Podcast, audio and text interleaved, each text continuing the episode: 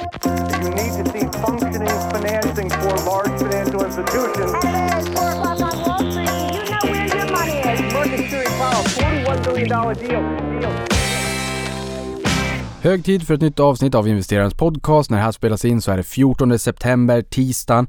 Förra veckan bjöd på en nedgång på minus 0,85% och därmed har september månad so far, eller month to date, gett en avkastning på minus 0,07% negativt territorium. Skulle det kunna bli första månaden i år med negativ avkastning? Det återstår att se. Det brukar kunna vara lite stökigt. Ehm, och det är fortsatt lite stökigt även den här veckan som vi nu har inlett då. Och det är allt fler som börjar prata om ökad risk för korrektion. Vi har ju faktiskt inte haft en korrektion på Stockholmsbörsen än i år. Däremot så har vi redan haft den i USA. Nasdaq inledde sin korrektion 16 februari till 5 mars. Många techbolag var ner 20-30%. Det är ett tag sedan nu. Vi kanske inte riktigt tänker på det men där hade vi ändå en, en korrektion. Den har vi betat av. Vi har inte gjort det i Sverige på, eh, på samma sätt. Eh, och ingen regel utan undantag. I fyra av senaste 37 åren så har vi faktiskt fått börsår där vi inte har sett en, en korrektion. Det här har jag varit in på lite grann under året och det är liksom ständigt återkommande men den här diskussionen har börjat blossa upp allt mer, mer nu på senare tid tycker jag, inte minst i, i amerikanska medier. Att många analyshus och strateger börjar prata om det här mer att nu borde vi kunna se lite mer stök i, stök i höst då. Ehm, vi går snart en, in i oktober utan en, en korrektion. Jag menar, I USA så har vi inte sett en sättning på eh, ungefär 5% på S&P 500 på snart ett år. Så det är klart att det kanske börjar vara lä läge snart. Det är ju det normala, inte minst eh, kanske på grund av vinsthemtagningar för att börsen är upp mycket så det behöver inte vara mera en mera mörka skäl till, till varför vi skulle se en, en viss eh, nedgång på börsen. Eh, och som kuriosa kan sägas att sedan första mars 2009 Amerikanska börsen bottnade ju i, mars 2009 då, efter finanskrisen och i Sverige bottnade vi 27 oktober 2008. Eh, och sedan dess har S&P 500 stigit nu 506 procent vilket är en, en, imponerande resa därifrån såklart. Eh, vi var nedtryckta i skosulorna också så att jag menar en del av det där är ju bara en återgång till, till någon form av det normala eh, post crisis och en del av det är naturligtvis vidare, vidare tillväxt men det får man ju ha med sig. Idag värderas SPX eller S&P 500 till 22,1 gånger jämfört med 25,57 gånger för ett år sedan på framåtblickande. Eh, och, backar vi bak till eh, förra året då eh, och tittar på släpande istället. Rullande 12 eller TTM, trailing 12 months, så var det släpande P-talet på 36,58. Så där ser vi ju att eh, från 36 släpande ner till 25,57 för ett år, år sedan framåtblickande till att det nu då ligger på 22,1. Det är fortfarande över det historiska snittet. Men det finns ju en naturlig dragning neråt på eh, indexarnas eh, P tal och alltså det finns en naturlig gravitation och det är ju vinsttillväxt. Och vi har sett en ordentlig vinsttillväxt, inte minst på S&P 500 då, som nu ändå utgörs av till nästan 30 procent, inte riktigt av, av techbolag. Det är ju en siffra som är väldigt hög och den är ju ännu högre på, på Nasdaq naturligtvis. Ehm, men där ser vi att det är en del sektorer som fortsätter takta på och bjuda på rätt hygglig vinsttillväxt helt enkelt som gör att ehm, värderingen eh, faller ner. Däremot, jag tror att skälet till varför man kanske diskuterar mer just nu kring en mer turbulent och stökig höst är väl dels då för som sagt vi har inte haft korrektioner Sen om man tittar på risk-reward också, vad är det som ska driva börsen vidare härifrån? Vi får tuffare jämförelsetal med kommande kvartal. Vi har fortfarande logistikutmaningar. Vi har höga fraktkostnader. Vi har svårt att hitta personal. Eh, och det här har också lett till att en del bolag har senare lagt investeringar och också skjuter på eller kanske till och med kapar jobb. Medan vissa andra skriker efter arbetskraft och, och, har svårt att ens eh, hålla öppet. Vanliga restauranger som har svårt att ens hålla öppet och öppna och, och möta efterfrågan. Även om efterfrågan inte ens är på, på, normala nivåer för att man inte hittar arbetskraft. Så det här är ju såklart, det, det är fortfarande Bambi på hal is för att försöka få igång ekonomierna igen. Och jag menar, deltaoron är tillbaka. Vi ser att deltaoron också börjar tynga ner sentimentet i USA. Det adderar en våt filt på sentimentet.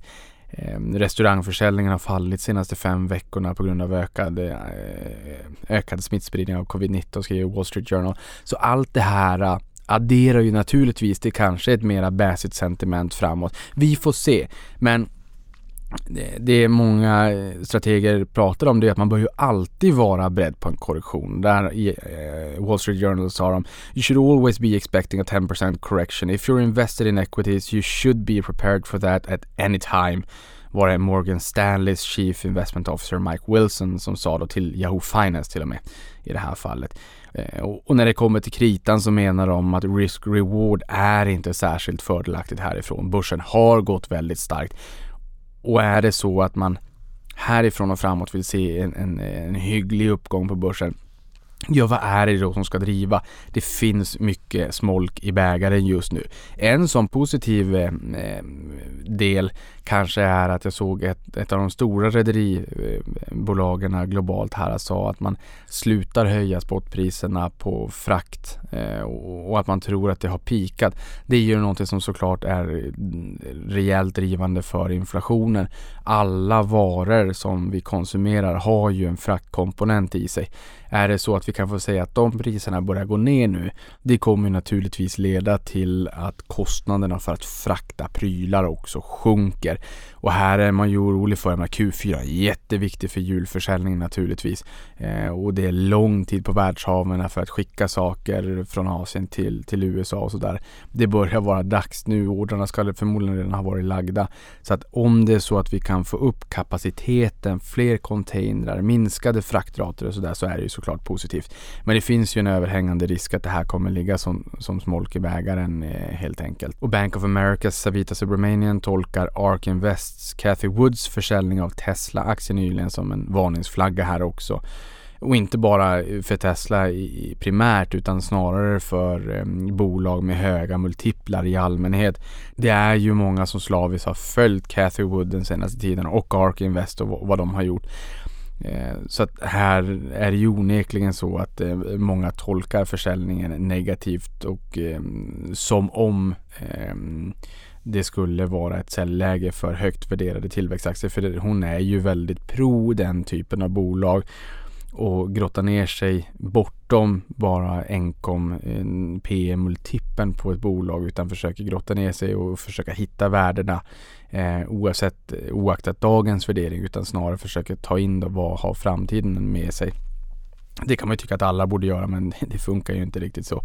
Det är ju väldigt många som bara tittar på ett P tal och tycker att det där är jättedyrt och sen så Eh, Ehm, så väljer man att avstå investeringen snarare än att försöka grotta ner sig och fundera kring, ja jag ser nuläget men, men vad tror jag om framtiden?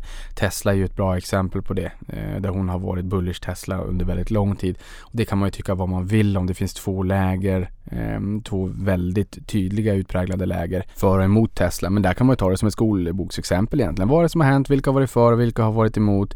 Vad har argumenten varit? Hur blev det i slutändan? Vad kan jag lära mig för, för framtiden helt enkelt? Men en intressant fråga här är också, det är ju den om huruvida vi har haft en korrektion. Det korrekta svaret är nej, det har vi inte haft. Men även om inte index har bjudit på en korrektion så är det fortfarande väldigt intressant att titta på enskilda bolag. För inom ett index som är förmodligen är värdeviktat så gömmer det sig ju bolag som kanske har haft det rätt så tuffare. För index är ju egentligen snittet och är det värdeviktat så är det inte heller ett enkelt snitt utan då får de bolagen som har större tyngd också större, att, eller mer att säga till om snarare. Så ju, ju större bolag du är desto större påverkan har du på indexutvecklingen. Så där man har du en, en sumobrottare i det här indexet som har det lite tufft så kommer det dra ner hela indexet eh, och vice versa. Så att vi har inte haft en korrektion i år men omkring 90 % av aktierna i Russell 2000, det amerikanska småbolagsindexet, har redan fallit in i en korrektionsfas enligt Bloomberg. Och samtidigt är den genomsnittliga aktien i S&P 500 ner 10% från respektive ett års högsta, alltså 52 week high då. Så att även om inte indexet är nere i korrektionsfas så att 9 av 10 aktier i Russell 2000 är nere i korrektionsfas och den genomsnittliga aktien i S&P 500 har backat 10% från respektive ett års högsta. Så det innebär ju att det är ganska många bolag som ändå har kylts av lite grann. Där det kanske också bjuds på bättre ingångslägen. Och här i den fasen vi befinner oss i, Stockholmsbörsen och utländska börser ganska nära all time high Medan när man skrapar lite grann på ytan så är det ganska många bolag som ändå har lämnat tillbaka en del avkastning. Det här är ju någonting som gör att stockpicking blir ännu mer viktigt i den här typen av miljö som vi befinner oss i. Och tittar vi på Stockholmsbörsen så har vi 394 aktier. Där tar vi en lika vikt när vi tittar på alla, bryr oss inte om vikten i, i ett index så att säga utan bara tittar på de här aktierna då. Det är ju lite färre bolag i och med att en del har lite, lite fler aktieslag. A-aktier, B-aktier, C-aktier, D-aktier. Man har en liten preff och sådär. Eh, men det genomsnittliga bolaget, genomsnittliga aktien är ner 18% från respektive ett års högsta. Och det här tycker jag är rätt spännande samtidigt som man ser att vi är uppe på väldigt höga nivåer. Det gör ont i magen att köpa mer. Man tycker åh vad det har gått upp mycket. Kan vi inte bara få en korrektion? Kan vi inte bara liksom det här högtrycket mitt i sommaren få ett rejält regn och väder, få komma ut och känna morgondagar, känna den här friska luften som blir efter ett rejält högtryck. Det är där man vill göra sina bra affärer. Eh, allt som oftast, även om man kan göra bra affärer i ett hett klimat också. Men, eh, men oftast så vill man ju att det ska liksom få eh, eh, lugna ner sig lite grann. Man vill inte jaga aktier på, på ovansidan. Men genomsnittliga aktien alltså ner 18 Det tycker jag ändå är ganska spännande. Idag när det här spelas in så har vi också kablat ut att vi äntligen lanserar stopp loss i appen och det gäller även den amerikanska marknaden. Det här är någonting som ni har frågat efter under lång tid så oerhört roligt nu att kunna kabla ut det här och säga att nu finns det stopp loss i appen. Så när du hör det här, då finns det redan ute. Nu är det dags för ett nyhetssvep och då kan vi säga att Biden-administrationen släppte en rapport under förra veckan som visar att USAs energimix kan utgöras av 40% solenergi till år 2035. Det här ska jämföras med strax under 4% idag. Och för att lyckas med det här så måste USA dramatiskt öka produktionen av solceller, vilket också kan leda till en och en halv miljon nya arbetstillfällen. Och det här jobben är ju en kritisk faktor. Ofta när det kommer till oljeindustrin etc. så pratar man ju mycket om jobben. Naturligtvis, men, men det är klart att de kanske inte får stå i vägen för en, en, en utveckling som vi inte kan ducka från. Vi måste ta oss mera i, i hållbar riktning. Men det är ju inte dåligt att en sån hållbar riktning också medför ett antal nya jobb. Nettotillskottet det vet jag inte. Men intressant ändå att det kan skapas en och en halv miljon nya jobb. Sen har vi Buy Now Pay Later-trenden som fortsätter där Firm steg 45% som mest mellan torsdagen och fredagen förra veckan efter att bolaget rapporterat en enorm försäljningsökning om 71% samt stark guidance post samarbetet med Amazon som breakade här för drygt en månad sedan. I sektorn har vi ju även sett Square köpa australiensiska Afterpay. Paypal har köpt Payday i Japan som är världens tredje största e-handelsmarknad och dessutom ska man lansera, eller har lanserat en egen sån här tjänst och Apple uppges även vara på väg att ta fram en egen variant tillsammans med Goldman Sachs.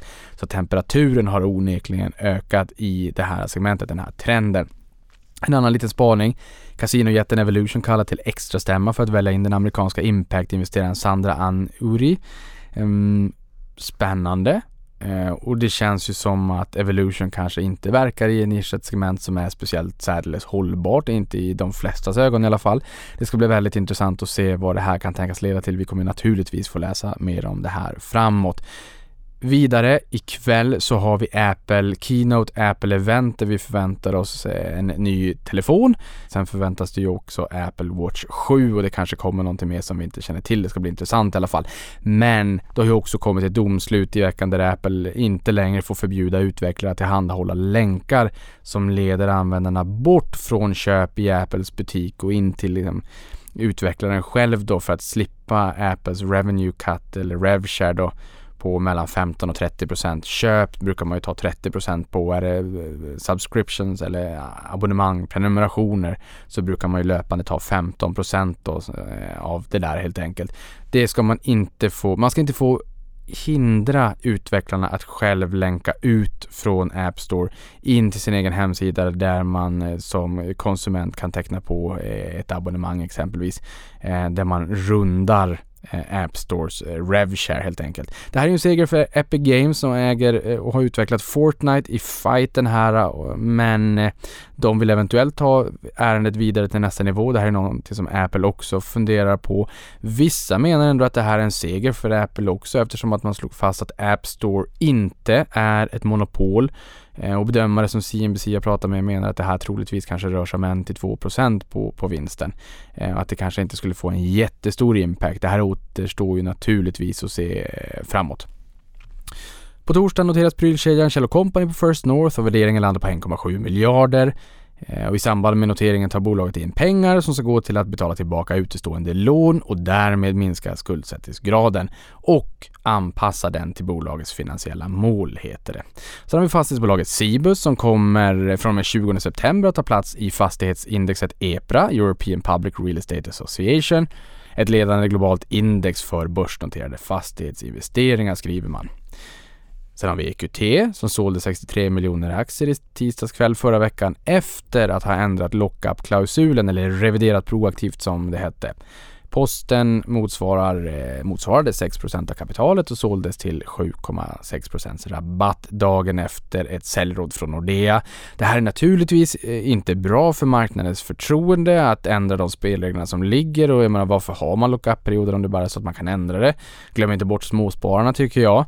Ehm, däremot så har de större säljarna sålt av mindre än 10% av sina aktier jämfört med 25% enligt ursprungligt lockup-avtal som man då hade möjlighet att sälja 2022.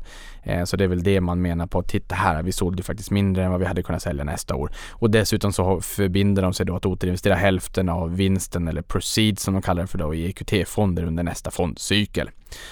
Sen har vi Söder Sportfiske som fick en pangstart på First North efter att ha blivit kraftigt övertecknad. Eh, här hade man aktier till ett värde av 84,5 miljoner som erbjöds och den potten ville 30 000 investerare och en miljard kronor nypa. Då blir det naturligtvis lite jobbigt i utbud och efterfrågan. Något av det mest heliga vi har i, i ekonomivärlden eh, och där vart det lite tufft. Väldigt stor efterfrågan, väldigt litet utbud. Um, Sverige lockar dessutom, eller brukar locka flest noteringar i Europa och nu har vi även flest noterade bolag i EU. Med närmare tusen listade bolag innebär det att vi ligger exempelvis före Tyskland och Frankrike, stora nationer. Uh, och en annan intressant spaning är att över 80% är småbolag med ett market cap under en miljard dollar. Vi har en fantastisk fin mylla, eh, en gräsrotsrörelse Eh, och bra förutsättningar för mindre bolag att växa sig stora och bra förutsättningar för spararna att också intressera sig för och investera i den här typen av bolag. Det, Sverige är ett fantastiskt land i den bemärkelsen. Vi sticker ut på global basis. Det är en fantastisk mylla för bolag att växa sig stora. Ta ett Evolution, ta ett Embracer eller ett Sinch för den, den eh, sakens skull också. Jag menar, eh, det här är ju bolag som inte alls var speciellt stora för ett antal år sedan som har lyckats växa sig väldigt, väldigt stora. Såklart naturligtvis på egna meriter också. Ehm, men, men Sverige är en marknad som föder och har fött upp många stora bolag. Sen har vi dagens mest intressanta händelse, vilket var igår, måndag den 13 september. Där skickades det ut ett pressmeddelande via Globe Newswire som förkunnade att den globala giganten Walmart, den största retailaktören i, i USA, skulle börja acceptera Litecoin, vilket fick valutan inom citationstecken då att stiga över 30% en timme senare så var Walmart ut och dementerade nyheten som falsk. Buset vet vad de ska göra. Det kan ju vara handhavande fel, någonting konstigt, men det är ganska lätt också att ana att det här var någon form av bus. Man vill ju gärna kanske i sådana fall, om man är ett bus, ta en position i Litecoin och eh, följa med resan upp 30% när den där nyheten breakade. Den var falsk. Eh, perfekt tema för en Netflix-serie eller eh, dokumentär. Sen har vi börsåret 2021 som har bjudit på ett stort antal noteringar och nu skriver DI med hänvisning till Bloomberg att hösten ser ut att bjuda på den högsta noteringstemperaturen sedan 2012. Närmare 40 miljarder US-dollar har prisats i affärer enbart under förra veckan. Det börjar smattra på rejält. Sen har vi Assa Abloy som har köpt divisionen Hardware and Home Improvement från amerikanska Spectrum Brands eh, här förra veckan för motsvarande 37 miljarder svenska kronor. Fokus på säkerhetsprodukter, VVS-utrustning och dörrbeslag på den nordamerikanska marknaden och som jag förstod så var det eh, ett av, om inte det största förvärvet i bolagets historia. Eh, spännande och det här skrev DI också att det här lär ju bana väg för fler bolag att slå till med storsläggan. Pengar är fortsatt billiga och Ehm, om det är så att eh, tillväxtutsikterna mojnar lite grann. Nu har vi studsat tillbaka till någon form av normalläge. Men det är fortsatt ganska billigt att förvärva tillväxt. Det beror naturligtvis på multiplarna också på de bolag man köper. Ibland behöver man inte ens köpa ett bolag. Uppenbarligen så köpte Assa Abloy en division ehm, så köp en division eller ett affärsområde då. Sen har vi mobilspelsföretaget Stillfront som förvärvar spelstudion Javaker, eh, Joe Walker, Jay Walker, eh, sådär, för 205 miljoner US-dollar och finansierade delvis genom en riktad nyemission på en miljard kronor. Bolaget uppges vara en ledande mobilstudie i MENA-regionen, Middle East North Africa-regionen. Och det här bolaget spås omsätta 270 till 310 miljoner kronor i år med ett justerat ebit på 180 till 210 eh, miljoner kronor. Så att ändå en, en väldigt hög eh, lönsamhetsnivå. Sen har vi danska Joe and the Juice eh, som öppnat upp för en börsnotering framgent. Det säger bolagets VD Thomas Noroxe i en intervju med Jyllands-Posten. Eh, det här är ju ingenting som är nära förestående. Även Lego har varit ut. Eh, nu i och med att det kommer en bok, Livet med Lego, så har eh, barnbarnet till grundaren också sagt att han inte motsätter sig en börsnotering. Så vi får väl se framåt om vi får Lego på börsen. Det är typiskt sånt här varumärke som många tycker, åh gud vad roligt det hade varit med, med Lego på börsen eller Ikea eller Max för den delen. Max är lite mer svenskt perspektiv. Sen har vi Electrolux som sjönk brant under veckan där det framkom att bolaget skickat ett mail till analytiker med uppdateringar om bland annat leveranskedjan. Ehm, och enligt analytiker till nyhetsbyrån Direkt så menar man att det inte innehöll någonting uppenbart nytt. Ehm, aktien var ner ändå ett, ett par procent. Det här är ett eh, det är ganska känsligt att gå ut med en motsvarande typ analytikermassage. Det här är någonting som vi förmodligen kommer få höra mer om. Det är inte inte helt okej okay och jag menar all information som är kurspåverkande ska ju ut i marknaden till alla samtidigt. Eh, det här kan vara en fråga som vi får lyfta framåt antingen Avanza som aktör möjligtvis. Men här borde även eh, aktiespararna eh, kliva fram i större utsträckning tycker jag. Det här är en fråga för dem också. Sen har vi Biden och Xi Jinping som har haft samtal för första gången på sju månader. Här vill de försöka luckra upp den frostiga relationen länderna emellan.